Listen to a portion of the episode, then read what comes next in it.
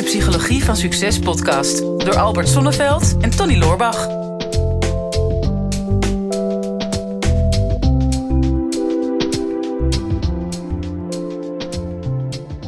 Nou Albert, daar zitten we dan.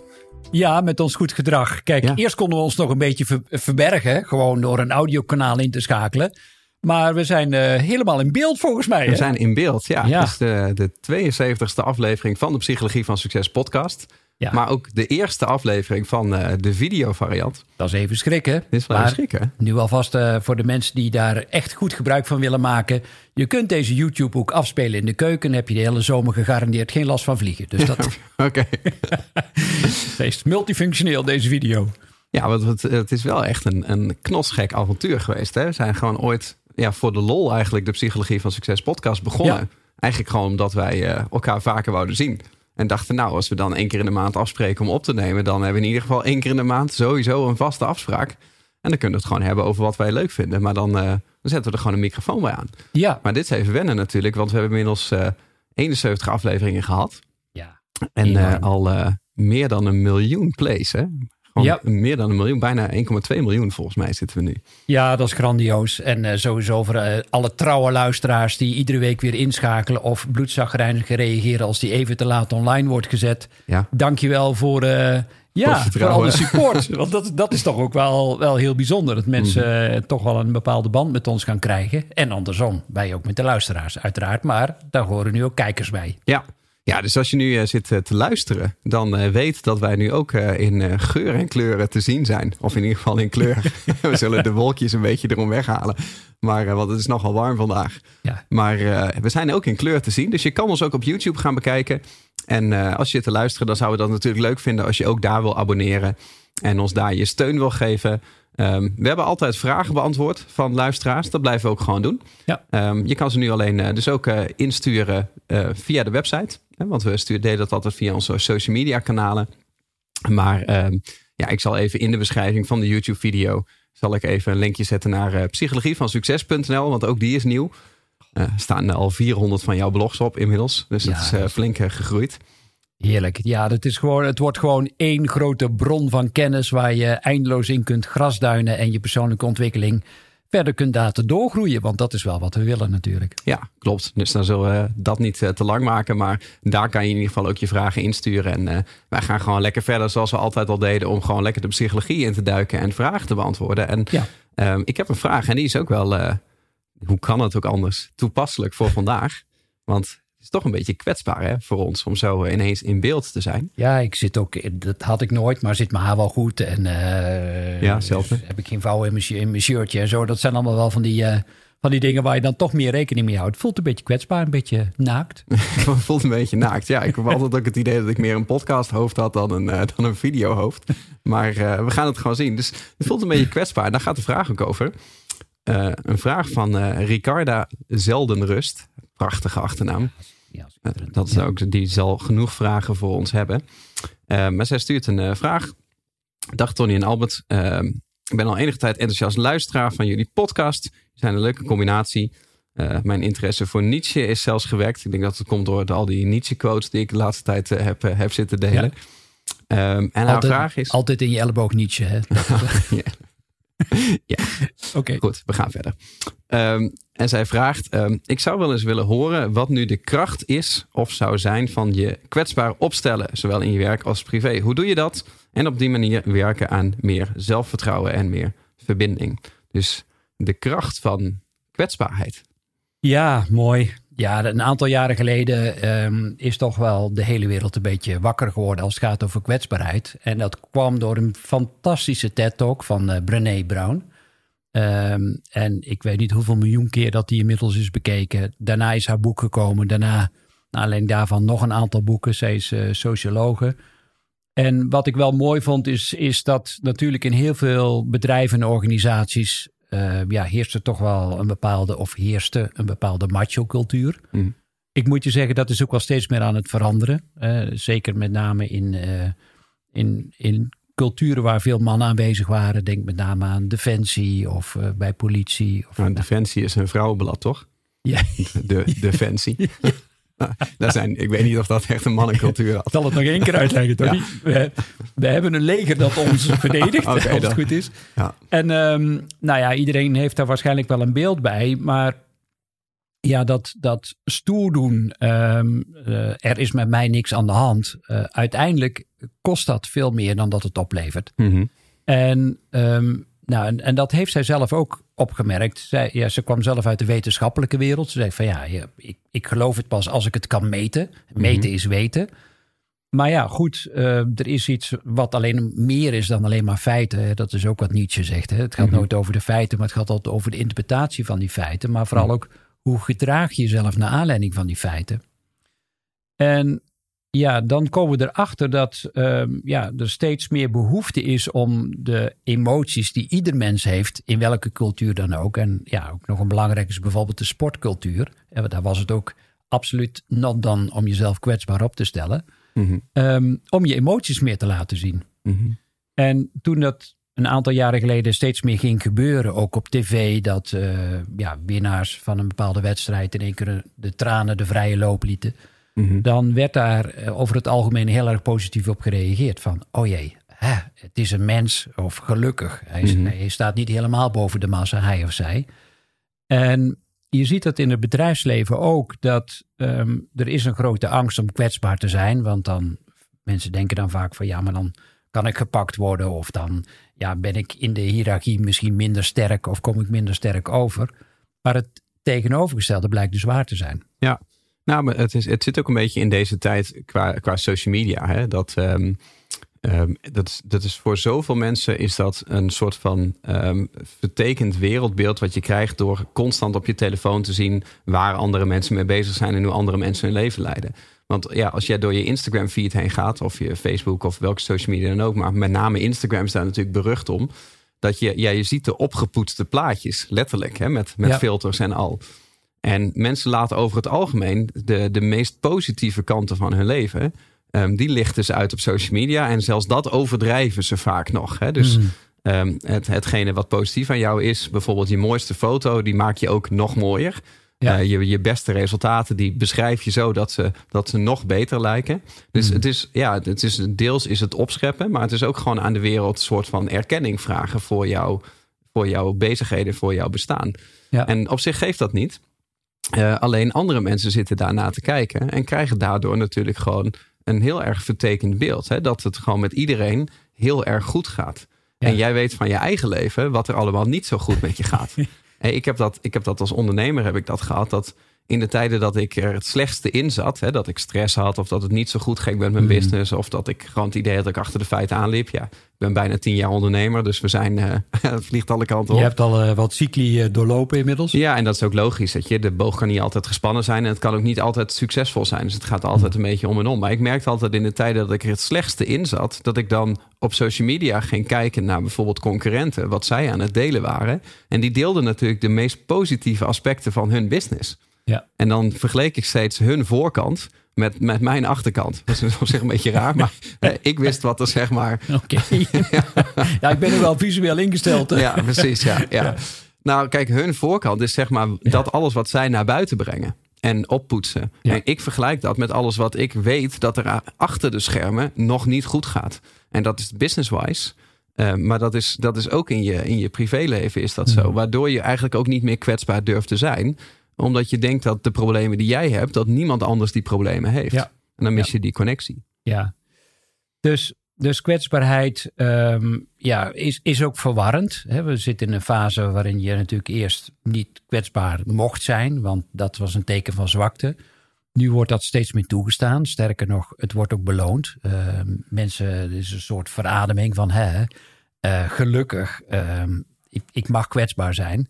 Maar het vraagt ook moed kwetsbaarheid. Mm um, en ik, ik merkte, als ik kijk naar mijn eigen leven, dan, dan had ik soms behoorlijk veel last van om fouten toe te geven. Ook al wist ik gegarandeerd dat ik een fout had gemaakt. Of uh, dat ik nou, misschien de juiste aannames had. Of bepaalde vooroordelen of vooronderstellingen had. En ik kon daar heel stellig in zijn en heel stellig in worden. En ik ben communicatief best wel sterk. Dus uh, als iemand daar zei, ja maar Albert, dat zeg je nu wel, maar volgens mij klopt dat niet. Nou, Mhm. man, dan kon ik een discussie aangaan en dan kon ik iemand in ieder geval communicatief alle hoeken van de kamer laten zien. Maar diep van binnen wist ik al lang, weet je, ik ben een hele verkeerde kant aan het eh, praten nu. En de ander voelt dit ook. Maar Mhm. ik kon het niet opbrengen, ook niet daarna, om sorry te zeggen bijvoorbeeld. Dat, Mhm. Ik kreeg het gewoon mijn strop niet uit. En, en ik dacht later van, waar heeft dat nou mee te maken? En dat had ook te maken met, ja, voor mijn gevoel, gezichtsverlies. Hè? Want daar heb je het weer, keeping up appearances. Je wil jezelf toch mooier en beter voordoen voor de wereld. Mhm. Mijn zelfbeeld was toch nog niet eh, zo gelijkmatig dat ik, dat ik het idee had van wauw, ehm, ja, wat mensen ook van me vinden, ik vind mezelf oké. Mhm. En juist doordat ik eh, zo lang een oordeel had over mezelf, vond ik het ook heel lastig om toe te geven. Hm. En, en daarom zeg ik ook, er is veel moed voor nodig. Hm. Courage of courage. Of, en dat komt van het Franse of het Latijnse keur. Hè, dus vanuit je hart. Hm. Vertellen wat er in je omgaat. Mhm. En dan uiteindelijk merken dat dat eh, ervoor zorgt dat mensen alleen maar dichterbij komen. In plaats van eh, verder van je af komen te staan. Ja, klopt.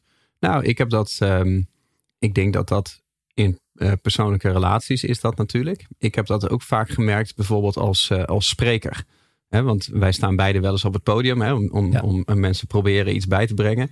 Het lukt niet altijd even goed, maar we proberen het in ieder geval. Ik zou een keer het gordijn open doen als je op het podium staat. Ja, ja, maar dat is zo kwetsbaar. Ja, En dan ja. kan iedereen me zien. Nou, maar kijk, als je.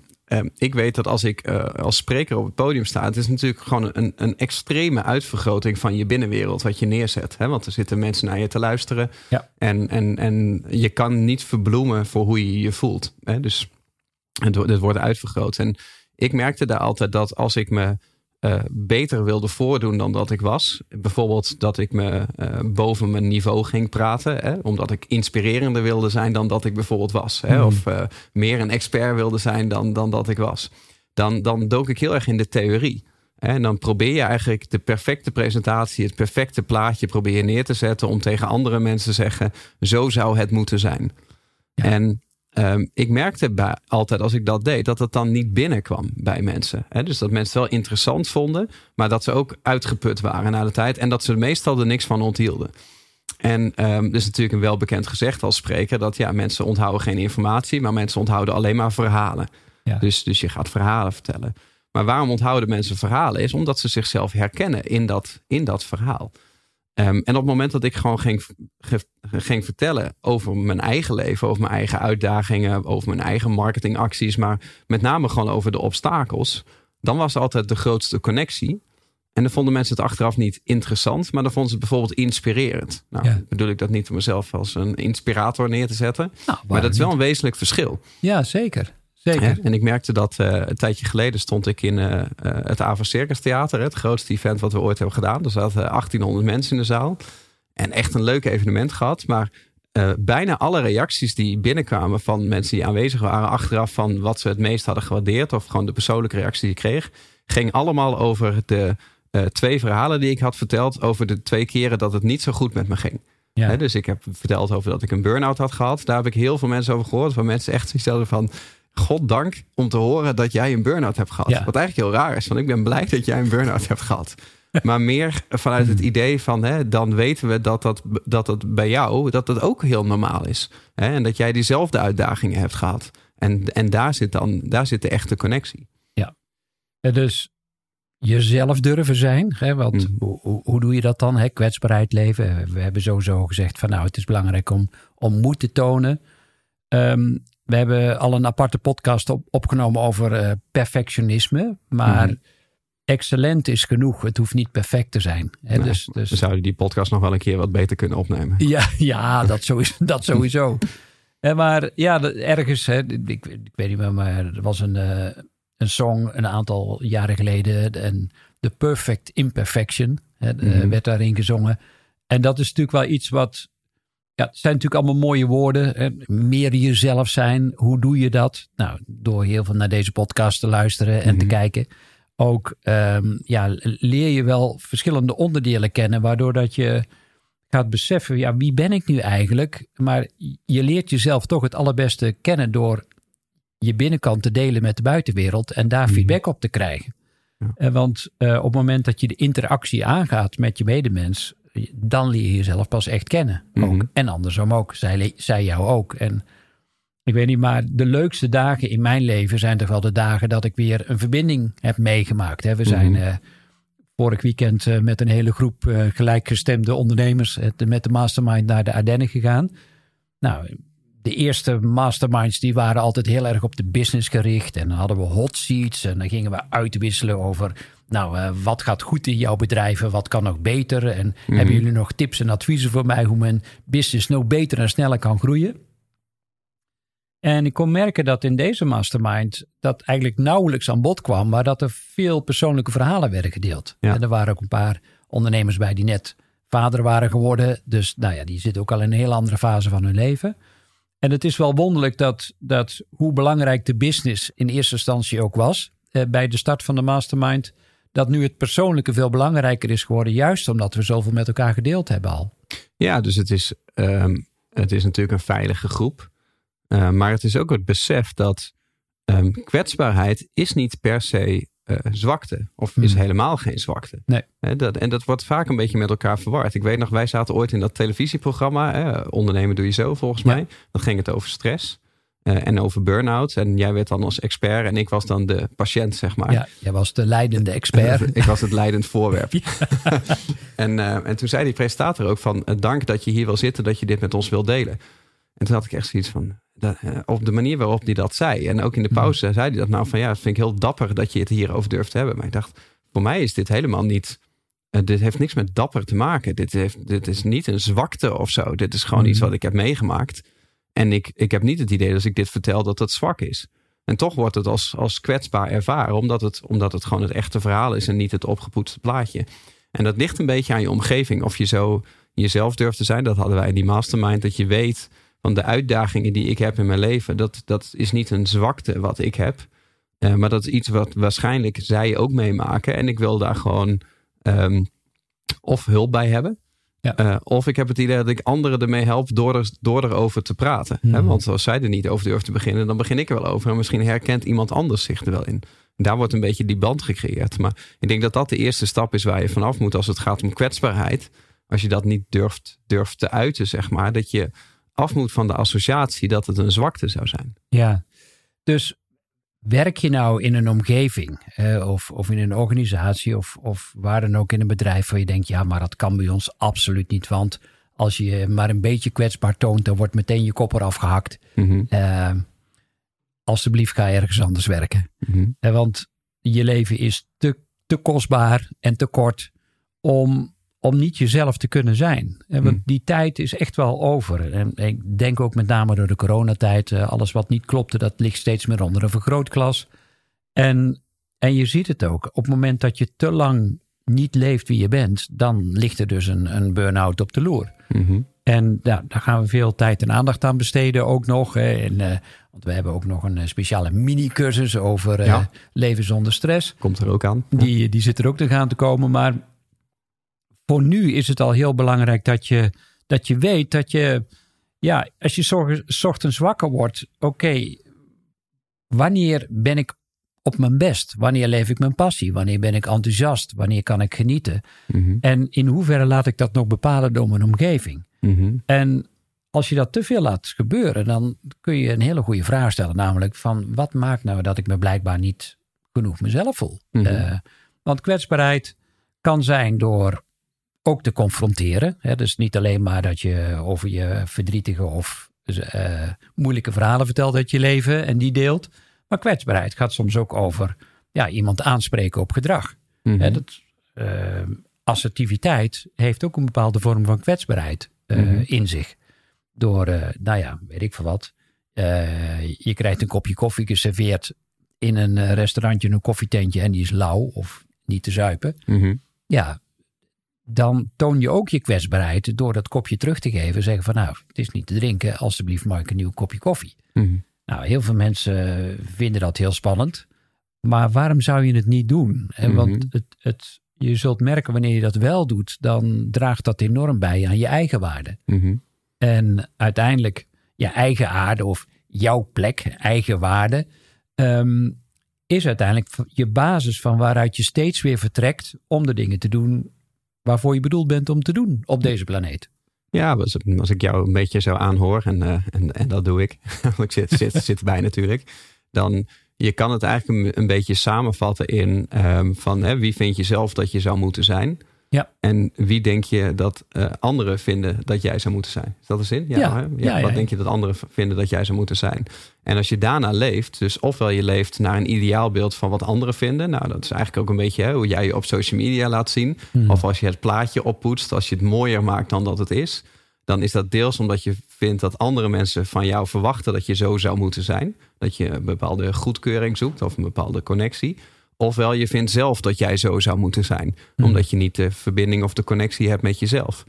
En, en daar zit het uiteindelijk. En als je leert om dat los te laten, um, dan komt er een bepaalde kwetsbaarheid boven die juist voor die verbinding zorgt. En het voelt vaak een beetje angstig. Dat is in het, in het dierenrijk natuurlijk ook zo. Als jij aangevallen wordt en je gaat op de rug liggen en je toont je hals, dan geef je je over. Dan maak je je kwetsbaar. Ja. Dan zeg je eigenlijk tegen je aanvaller van uh, ik ben nu ondergeschikt. Hè? Ik, ik geef op. Ja. Uh, waardoor je geneigd bent als mens zijnde te denken van ik moet niet omrollen en mijn halsje tonen, want dan, dan word ik gepakt. Maar zolang je heel sterk, zeg maar, heel agressief en onbenaderbaar bent, dan is er dus geen ruimte voor een diepere connectie. Hmm. Is in de liefde ook zo. Hè? Als je niet bang bent of als je niet bereid bent om gekwetst te raken, dan, dan zul je nooit echt een diepere connectie kunnen aangaan. En daar zal kwetsbaarheid in eerste instantie toch wel voor nodig zijn. Lijkt me een goede zo, hè, om mee, uh, mee af te ronden. Ja, lijkt me perfect. Ik ben onder de indruk. Ik ben benieuwd wat de luisteraars ervan vinden. Goed, nou sluit ik hem, ga ik me lekker afsluiten. Want het is de eerste keer, de eerste aflevering um, uh, op YouTube. Ook van de Psychologie van Succes podcast. Dus zit je hier nou naar te luisteren um, op de podcast? Ga dan ook even naar de videovariant toe. Want we zouden het leuk vinden als je even op het duimpje zou willen klikken. Allemaal. En als je natuurlijk even een reactie achter wil laten met wat je van deze uitzending vond. Hoe je dit zelf ervaart. Of, of je nog toevoegingen hebt of leuke inzichten hebt gehad. En daarnaast natuurlijk om je ook even te abonneren op het YouTube kanaal. Nou, en als je dit al op YouTube zat te kijken, dan gelden dezelfde instructies nu natuurlijk voor jou. Dit is de Psychologie van Succes podcast door Albert Sonneveld en Tony Loorbach.